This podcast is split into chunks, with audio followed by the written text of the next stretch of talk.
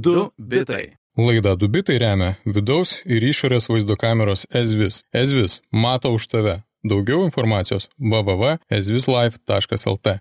Sveiki klausytojai, čia laida 2 bitai. Su jumis kaip ir kiekvieną savaitę mes apžvelgsime svarbiausias technologijų naujienas. Aš esu Jonas Lekevičius ir su manimi yra Lukas Keraitis. Labas Jonai, sveiki klausytojai. E, Malonu, kad Jonas padarė įžangą. Sakau, padaryk įžangą, pamiršk, kaip reikia daryti, paskui nebe, nebežinosit, jeigu ir prireiktų. O naujienų tai daug, kaip ir kiekvieną savaitę. Pradžioje savaitės galvoju, ai, čia, kažin ar bus apie ką kalbėti, o paskui prieš laidą žiūriu, kaip visada nieks netelpa. Tai mes daug nelaukdami tiesiai šauname į naujienas. Pirmoji bus apie portalą pavadinimu CNET. Um, žinomas portalas tikriausiai daugeliu, cnet.com apie technologijų naujienas rašo, um, apžvalgas daro įrenginių. Jo jie- geriausi laikai jau praėjo, prieš kokius 10-15 metų tai jis buvo visiškai topas, gal technologijų naujienų visų, kas jie domėjosi, turbūt pradinis puslapis, bet dabar jau tie geriausi laikai yra praėję. Taip. Ir šią savaitę Sinetas gauna strėlių nuo savo konkurentų, tai futurism.com bei The Verge portalų, kurie aprašo tokią istoriją, kad Sinet patylomis publikavo dirbtinio intelekto parašytus tekstus, to neatskleisdami. Neva turinys buvo peržiūrėtas ir sutikrintas redaktorių, tačiau realybėje jame buvo pilna faktinių klaidų. A, Vėliau dar buvo Sinetas apkaltintas plagijavimu, kadangi labai panašaus formato tekstai rasti kituose konkurentų portaluose, tiesiog pakeisti keli žodžiai ir teko skaityti tuos pavyzdžius, tai tikrai labai panašu. Žodžiu, ta istorija, kai imk nusirašyk, tik tai pakeis porą žodžių, kad mokytojai net pažintų.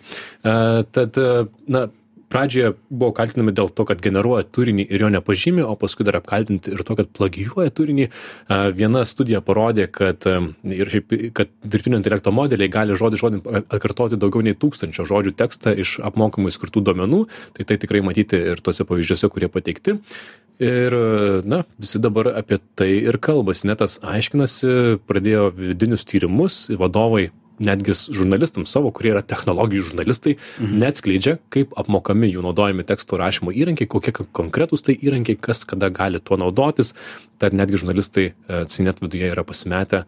E, Bet e, viso to istorijos toksai, na, moralas yra, kad neva yra patiriamas spaudimas iš savininkų Sineto, tai yra Red Ventures, kurie skatina publikuoti daugiau CEO, tai yra Search Engine Optimization draugiško turinio, e, tokį, kurį gali sukurti labai paprastai robotai. Taip, visi, visi siūlo galai panašu veda į būtent tą Red Ventures, kurie nusipirko iš tiesų sunkiai begyvavusi portalą jau tuo metu, kuris turėjo gerą vardą, vis tiek dar turėjo lankomumą, bet jau geriausi laikai buvo praėję. Red Ventures nusipirko jį su tikslu paversti būtent tokią turinio fermą arba šiaip bendrai žymiai labiau monetizuoti ir ištraukti piniginę vertę iš to turinio. Red Ventures verslo modelis yra toks paprastas ir tiesmukas. Jie kuria turinį, tą būtent Search Engine Optimized arba paieškos sistemoms optimizuotą turinį, kurio tikslas yra būti aukštai Google, kai tu suvedi kažkokią raktinę frazę. Idealiu atveju, jog tai būtų, kaip jie vadina, aukšto tikslingumo, high intent frazės. Pavyzdžiui, konkrečiai jų niša yra kreditinės kortelės ir kiti finansiniai produktai. Tai jeigu tu ieškai, kokia yra geriausia kreditinė kortelė, jie nori, jog jų straipsniai būtų viršuje ir tada ten viduje, aišku, įdeda daug reklamų ir partnerių nuorodų, iš kurių jie pasidaro labai daug pinigų. Visame tame kažkokio žurnalistinio nuosaikumo tikrai didelio nėra. Um, ir kadangi tikslas yra turėti labai aukštai tu, renkinantį turinį, visgi tie mechanizmai, kurie buvo sukurti žmonėms, panašu, kad griūna, kai turi praktiškai automatizuotą turinio kūrybą. Nes, pavyzdžiui, Google mėgsta, kai turinys nėra pilnai plagijuotas yra kažkiek pakeistas, tad vėlgi dirbtinis intelektas padeda šiek tiek pakeisti žodžius. Google taip pat labai mėgsta, kai tu nuolat rašai ir keli naujus straipsnius, todėl jie niekad nestoja.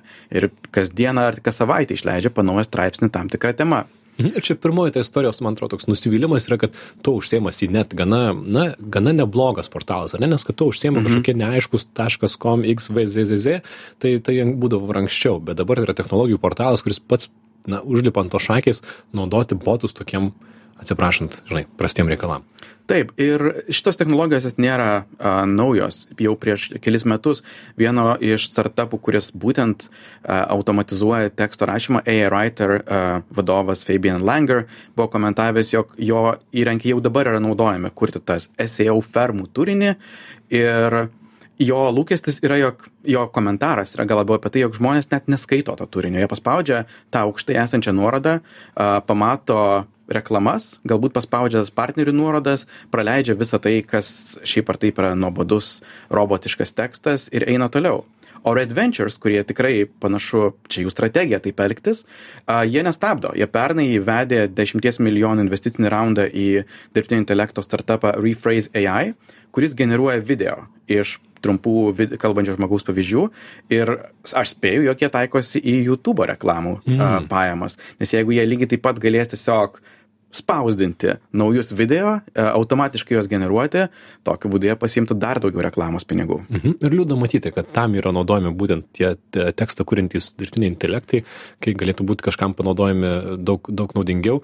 Tuo pačiu ir gaila tų žurnalistų, iš esmės žurnalistų ir konkrečiai šio portalo žurnalistų, kuriem net nėra atskleidžiama, kas kada gali naudoti dirbtinį intelektą.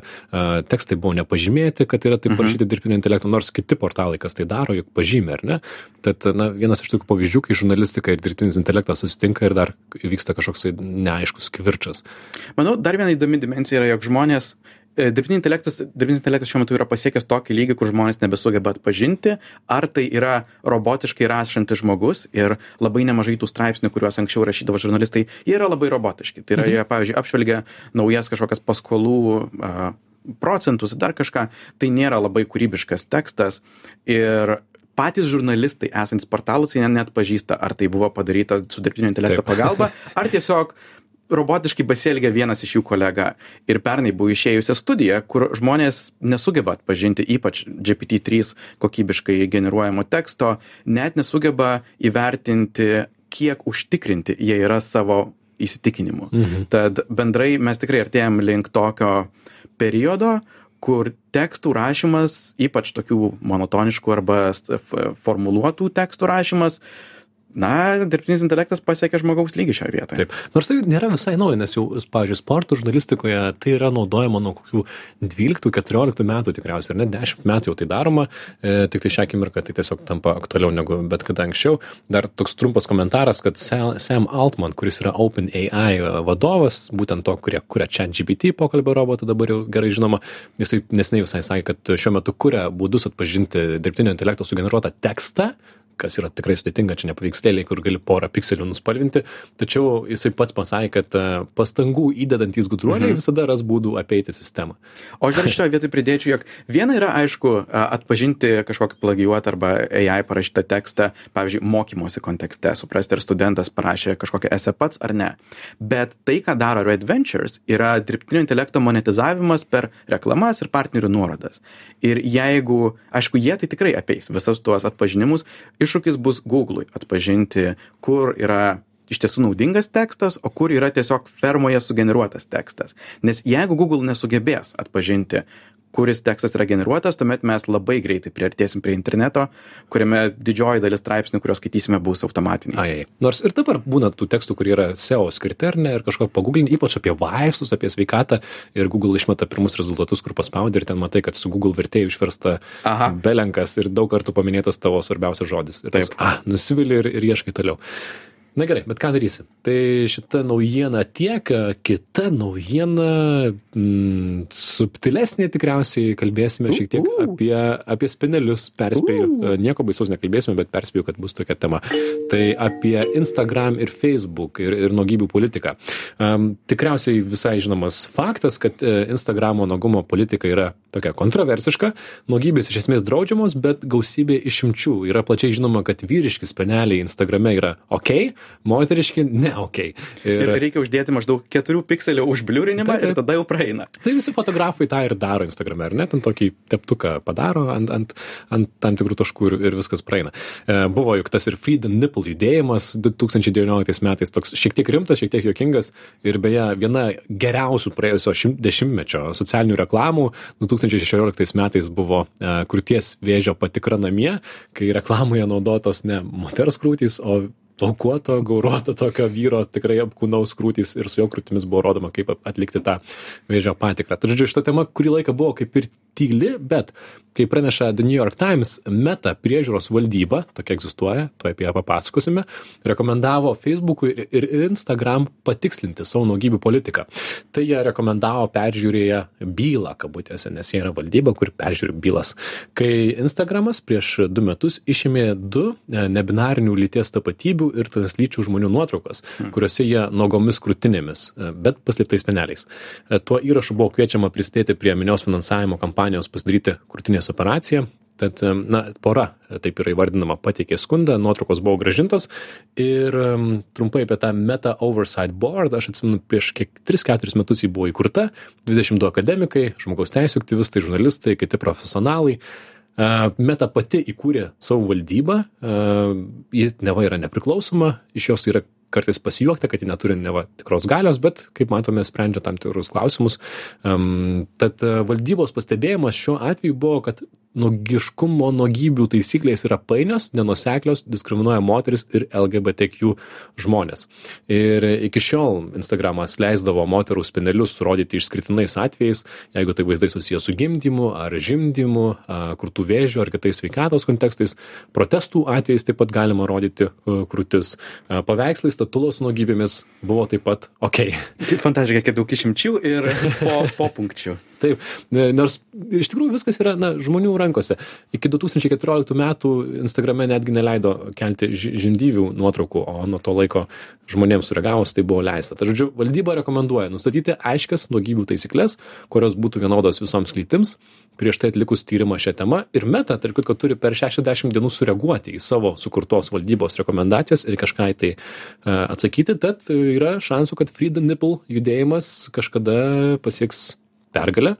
Man įdomu, kaip į tai bus reaguojama mažiau liberaliose šalyse, mhm. mm, kuriuose tai gali būti na, įvairiai, man atrodo. Labai priimta. gali būti, jog tos taisyklės pradės atsirasti per šalis, jog vienoje šalyje tai yra leidžiama, kitoje ne. Aš e, labai manau, jog e, gal tokiuose mažiau puritinistinėse šalyse kaip Europos valstybės tai tikrai turėtų būti labai priimtina. Jo, labiau uždariose šalyse galbūt ne. Tačiau atrodo neišvengiama, nes turint tokį didelį sudėtingumą, tiek daug išimčių ir visokių sąlygų, čia paprasto sprendimo nebus ir labai įdomu, kaip į tai reaguos reklamos užsakovai. Mm. Nes visgi viena yra, ką, ką siūlo ta komisija, kuri pagrindė galvoja apie žmogaus teisės ir bendrai moralinius aspektus, bet Instagramą visus pinigus užsidirba iš reklamos ir jeigu reklamos srautai sumažės dėl to, tai labai gali būti, jog moralė bus padėta į šalį. Bet galbūt jie galės vėlgi pažymėti tam tikrus įrašus, kaip dabar su na, karo Ukrainoje įrašai taip pat būna paslėpti ir sako, mhm. ar tu esi tikras, kad nori pamatyti šį įrašą, spaudė taip, nori pamatyti ir pamatai. Tai galbūt tai bus ir ar tu tikrai norėsi pamatyti šį spenelį ir spaudi ir, ir pamatai, nežinau, pažiūrėsim. Bet uh, tikrai džiaugiasi mados fotografai, spėju, kuriems, oh, kuriems būdavo nemalonu ten petskilėti. Žinių radio klausytėm priminame, jog jūs skirite laidą 2 bitai, mes kalbėjome apie Instagramos naują spenelių politiką, o dabar perėsime prie dar turbūt vieno politinio uh, iš dalies uh, aspekto. Blizzard iššūkius Kinijoje. Taip. Pro šalį šiek tiek sugrau, bet... A, man, man patiko. Uh, Kinijos gameriai uh, verkė, nes pirmadienį visi Blizzard žaidimai, tarp jų World of Warcraft, Overwatch 2, Hearthstone, tapo nebepasiekimi Kinijoje. Oh. Uh, jų partneris NetEase, uh, jie nesugebėjo pratesti sandorio, panašu, jog norėjo šiek tiek skirtingų sąlygų, turbūt gal daugiau įtakos, o Kinijoje būtina turėti vietinį partnerį, negali būti tiesiog vakarų įmonė, kuri hmm. ateina ir prekiauja, tad to išeit, sprendimas išeitis dėja yra nutraukimas paslaugų ir žaidimų prieinamumo. 14 metų jie dirbo kartu, turėjo milijonus žaidėjų Kinijoje, tai buvo didžiulė rinka jiems, bet dėl kontrakto nepratesimo išjungs visus online žaidimus Overwatch, Diablo 3, Hearthstone, World of Warcraft. Um, Prie, prie mano užrašų yra, kad kin, kinai gerbėjai tiesiog pasidėjo tris emodžius. Verkia, verkia, verkia, verkia, nes iš tikrųjų buvo žmonės, kurie kurių tai yra pagrindinis hobis, ar ne, tai yra beprotiškai populiarus žaidimas. Net ne World of Warcraft, žinau, kad WoW, ar ne, WoWas, WoWas Jo. lietuviškai visi trumpina WoWas, yra LoLas, League of Legends ir yra WoWas. Aš jau tiek žinau. Tu nežaidai, Jonai? Aš žaidžiau. World of Warcraft? Jau, jau kurį laiką nebežaidžiau, Jo. gal 15 metų nežaidžiu, bet, bet buvo visai smagu. Um, Blizzard China sako, jog dar anketų nesitrinkit, galbūt pavyks kažką padaryti, bet skirtingus žaidimus tai paveikia skirtingai. Aišku, World of Warcraft e, pasaulis yra offline ir žaidėjai nebegali jodinėti ant savo svajonių uh, grifų.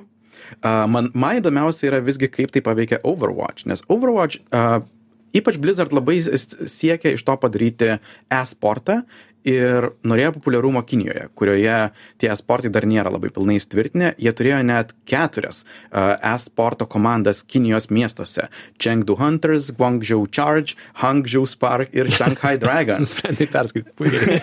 Taip, e, puikus miestų pavadimai, aš tiesiog nežinau, kurie yra. Bet e, šios komandos jau komunikuoja savo atsisveikinimus su e-sporto lyga, jog jie nebegalės treniruotis, jie nebegalės dalyvauti, nes žaidimas nebeegzistuoja jų šalyje. Tad e, labai įdomu, kaip tai bus. Um, O Blizzard santykis su Kinija visą laiką buvo komplikuotas. Tai visą laiką buvo didelė rinka, kurie jie siekia populiarumo ir stabilumo, tačiau Kinijoje yra daug problemų ir kita iš problemų yra cenzūra.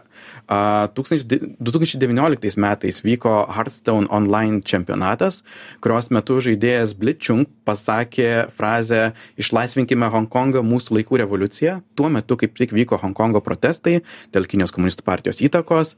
Ir tas protestas iš tiesų buvo labai didelio matomumo ir didelės svarbos. A, Buvo didžiulis boikot Blizzard a, boikotas.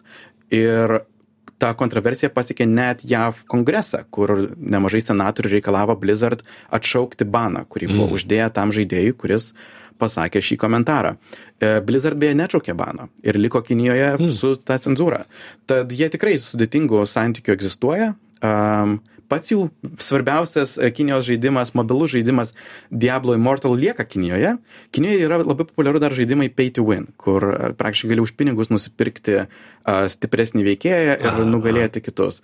Ir šis žaidimas, kuris tikrai generuoja labai daug pajamų NetEase ir jie net prisidėjo labai aktyviai prie jo sukūrimo, lieka, nes jie turėjo pilnas teisės tam žaidimui. Tad NetEase kaip partneris tikrai neliūdėjęs, bet Blizzard, manau, situacija sudėtinga. Mhm. Ir, na, gai- gailiausia turbūt šitoje situacijoje, kad šiuo atveju nesusitarta būtent dėl, tiesiog dėl kontrakto. Nė- Nėra detalių, bet nenori prateksti kontrakto, kuris, kuris jau ilgą laiką ėjo, kažkokie finansiniai galbūt nesturimai ir dar kažkas. Ir, e, na, iš Kinijos pusės ta NetEase kompanija, jos vadovas mestelė ten tokią žuvį, kad sako, po kažkiek metų papasakosiu, kas čia buvo, kaip čia Mm. negražiai žaidė, la la la la la la. Bet realiai tai tiesiog pralošė žaidimų gerbėjai. Ir man atrodo, kad jie tikrai bus nusivylę ir, ir Blizzard kompanija. Ir, ir tai bus tam tikras smūgis Kinijos, Kinijos žaidėjams. Tai tikrai liūdna dėl jų. Mhm. O kita naujiena ateina Gal apie tech atleidimus? Apie tech atleidimus. Gerai, turėjome visai uh, įdomų sausį, daug, daug e, darbuotojų buvo atleista iš technologijų kompanijų. Apie tai papasakosiu. Tad rudenį mes kalbėjome, kad buvo nemažai atleidimų iš technologijų kompanijų ir sausis vos prasidėjo metai seka toliau šią tendenciją. Tai pirmiausia, Spotify atleidžia 600 darbuotojų, 6 procentus. Vadovas Daniel Ek prisipažino, kad verslas plėtėsi per greitai koronaviruso pandemijos metu ir turime susimažinti. Mm, Amazon atleidžia 18 tūkstančių darbuotojų. Tai yra 6 procentai iš 300 tūkstančių jų corporate vadinamųjų darbuotojų, nors pusa, pasaulyje yra pusantro milijono. Salesforce kompanija 8 tūkstančiai darbuotojų, 10 procentų. E, Beje, įdomu, kad dalį jų atleidžia iš prieš du metus nusipirkto Sleko, pirko Mhm. beveik už 30 milijardų, 10 milijardų skolinosi ir dabar iš jo atleidinėja darbuotojus. Tai auč, e, nelabai geros perspektyvos. Microsoft atleidžia 10 tūkstančių darbuotojų, 5 procentai e, savo, savo komandos, nemažai iš inžinierių. Google atleidžia 12 tūkstančių, maždaug 6 procentų savo full-time dirbančių žmonių, e, 15 procentų Kalifornijoje. Įdomus e, faktas, 27 iš jų yra masažistai, tad realiai visur, kur gali staupyti, bando staupyti technologijų kompanijos. Mhm. uh, Tad e, taip, dar, na, tokia yra įmonė Carvana, jinai parduoda e, naudotus automobilius, e, vertė prieš 18 mėnesių buvo 80 milijardų, dabar pusantro milijardo dolerių, mm. tad technologijų kompanijoms laikai nėra patys, patys lengviausi. Aš manau, iš šitų atleidimų tai tikrai gal labiausiai šokiruojantis buvo Microsoft 10, dar 10 tūkstančių ir Google 12 tūkstančių, nes jie atrodo, jog visgi gana gerai laikėsi, turėjo būti pakankamai neblogas metrikas, bet matyt, visgi diržai traukėsi visiems ir visgi 12 tūkstančių darbuotojų vien iš Google yra nemažai, mhm. labai nemažai. Ir visur vadovai kartoja tą patį, kad per koronavirusą prisamdėme daug, per daug darbuotojų, per greitai plėtėmės ir dabar nespėjame. nespėjame. Ir taip pat paminė neaiškę ekonomikos ateitį, be to nebėra pigių pinigų, bet tuo pačiu reikia pastebėti, kad po atleidimų akcijų kaina šių technologijų kompanijų beveik visais atvejais 1-2 procentus pakyla. Mhm. Tad iš esmės lapkritį matėme didelį atleidimų bangą ir dabar jinai pasikartojo. Na ką, labai kažkaip kalbėti apie vieną žmogelį, kuris save atleido. Gerai, dar viena naujiena apie Donaldą Trumpą, kuris nori grįžti į socialinius tinklus. A, tenai? Aha, Donaldas Trumpas, e, jo komanda oficialiai kreipėsi į Meta, prašydama susigražinti buvusio prezidento anketą. Tikriausiai žinote, kad Meta užblokavo Trumpo Twitterį ir Facebooką po to, kai, e, na, Twitteris ir Facebookas atskirai užblokavo jį po Kapitolijo šturmo prieš dviejus metus. Maskas gražino Trumpui Twitterį lapkričio mėnesį grįžęs, na, ėmės vadovauti jam, bet kas įdomu, kad kol kas tyla iš Donaldo Trumpo Twitterio, man atrodo, mm -hmm. kai dės tweetą kokį nors, tai bus. Aš girdėjau, jog jis jau klausė savo vidinės komandos, kas sugalvos geriausią pirmą tweetą sugrįžus. Kaip manai, koks bus pirmas tweetas? Mm, kas nors apie... Na, jis turbūt vėl kandidatuos, tai gal tenai paskelbs ką nors. Aš tai manau, kad bus Let's make America great again again. ok, fantastika. Mano spėjimas, ne, iš tikrųjų tai šiaip ar taip, ką jis patvirtins, vis tiek nueis per antraštės, tad visai įdomu, įdomu, kaip tai bus.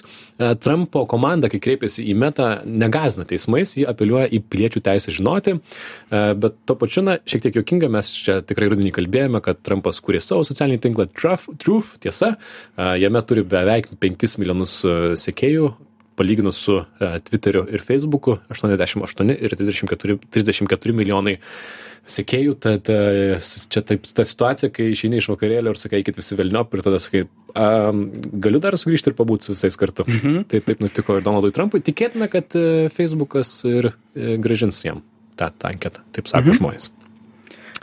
Na ką, o, o, o naujiena apie uh, žmogų, kuris save atleido, tai aš norėjau paminėti, jog Reed Hastings, uh, buvęs uh, ilgametis Netflix vadovas ir įkūrėjas 20, prieš 25 metus, įkūręs Netflix kaip DVD siuntimo paštu paslaugą, uh, palieka co-CEO poziciją. Kurį laiką jis jau nebebuvo kaip vienintelis CEO, dalinosi kėdę su Ted Sarandos, bet šiuo metu liks tik įmonės valdyboje. Ir aš manau, tai yra visai įspūdingi 25 metai, kaip jisai sugebėjo paštu konkuruoti su tuo metu gigantu Blockbuster ir sulaukti jų bankroto. Blockbuster buvo video nuomos servisas. Taip pat Hastings, manau, labai ryštingai ir greitai pakeitė Netflix veiklą vos pradėjo užuosti, jog online streaminimas uh, video internetu bus ateitis greitai transformavo kompaniją ir praktiškai sukūrė visą tą rinką. Tad uh, tikrai įspūdingi pasiekimai, o dabar jis turbūt pereis į Bilo Geitso režimą, kur, nežinau, gal užsijams labdarą, gal dar kažko, bet uh, galės uh, mažiau galvoti. Netflix akcijos dėl to visai šoko į viršų, plus 6 procentai, jiem buvo labai sunkus metai, tai buvo labai daug nukritusi vertė. Ir netflix bendrai egzistuoja tokiais hitais ir svyruoja į apačią ir į viršų. Jeigu išleidžia kažką tokio kaip squid game arba va dabar trendinančią e, trečiadienį wednesday serialą tai akcijos kyla į viršų jeigu hito nėra tai akcijos krenta. Sudėtingas verslas mhm. galbūt reed hastings visai atsipalaiduos jog nebereikia apie tai galvot. Pereis į bilo geitso režimą. Patentuotinas pas, pasakymas tai bet iš tikrųjų sukūrė ar ne legendą kurią kurią jau galit šiek tiek atsipalaiduoti. Aš dar labai trumpai noriu paminėti kad nvidia e, nvidia naujiena nvidia kompanija pristatė dirbtiniu dirbtiniu intelektu varomą funkciją savo video transliavimo ir redagavimo programinėje įrangoje pavadinimu broadcast app.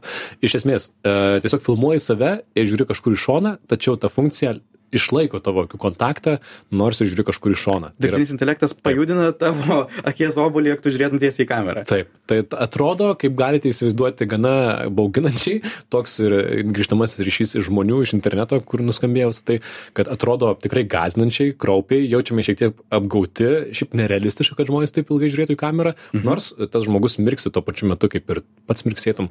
Tai tokia moralinė dilema, kaip ir norėtųsi tokį naudoti per Zoom susitikimą, kai nuobodu, bet jeigu žinai, kad žmonės prieš tave tokį naudotų, tai nelabai malonu, ar ne? Bet... Aha. Aš manau, šiaip bendrai mes visas tas, visas vaizdas tampa transformuotas, kur telefonų kameros sulygina mūsų odą, video kameros pajudina mūsų akies e, rainelę, vis, toj greitas, greitai visas video uh, vis, video kanalas bus grina simulacija. tai įdėsime šitą video, kadangi jis daug kur nuėjęs į savo technologijų naujienos Facebook grupę, susitikime ten ir šiandien naujienų tikriausiai tiek. Čia buvo laida Du bitai. Grįšime kitą savaitę. Paminim, kas bus kitą savaitę ar neišduodam? Ne, neišduodam. Neišduodam, gerai. Na, kitą savaitę būsime ne su naujienomis, o su viena specialia tema. Tad komplikuota. Komplikuota tema, bet labai įdomi. Tad klausykitės. Mūsų kaip visada galima klausytis visur, kur jums tik patogu, per Spotify ir kitas tinklalaidžių praeilės, o tai nežinių radijas.lt yra visi laidų įrašai, dubitai.com yra visi šaltiniai. Čia buvome mes, Lukas Keraitis ir Jonas Lekevičius. Sakome iki kitos savaitės savaitės. Iki. Iki. Du bitai. Laida Dubitai remia vidaus ir išorės vaizdo kameros Ezvis. Ezvis mato už tave. Daugiau informacijos www.ezvislife.lt.